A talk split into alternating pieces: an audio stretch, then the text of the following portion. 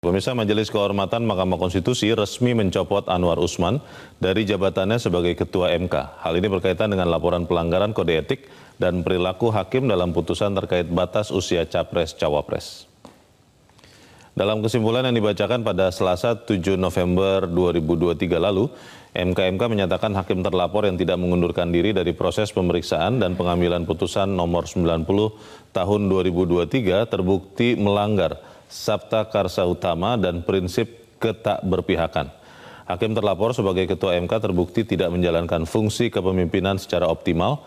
Kemudian hakim terlapor terbukti dengan sengaja membuka ruang intervensi pihak luar dalam proses pengambilan putusan nomor 90 tahun 2023 serta hakim terlapor dan seluruh hakim konstitusi terbukti tidak dapat menjaga keterangan atau informasi rahasia dalam rapat permusyawaratan hakim yang bersifat tertutup.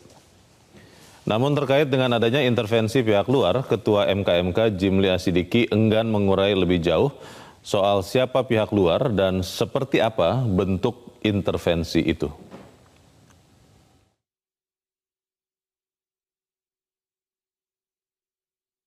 Tidak semuanya harus diungkap.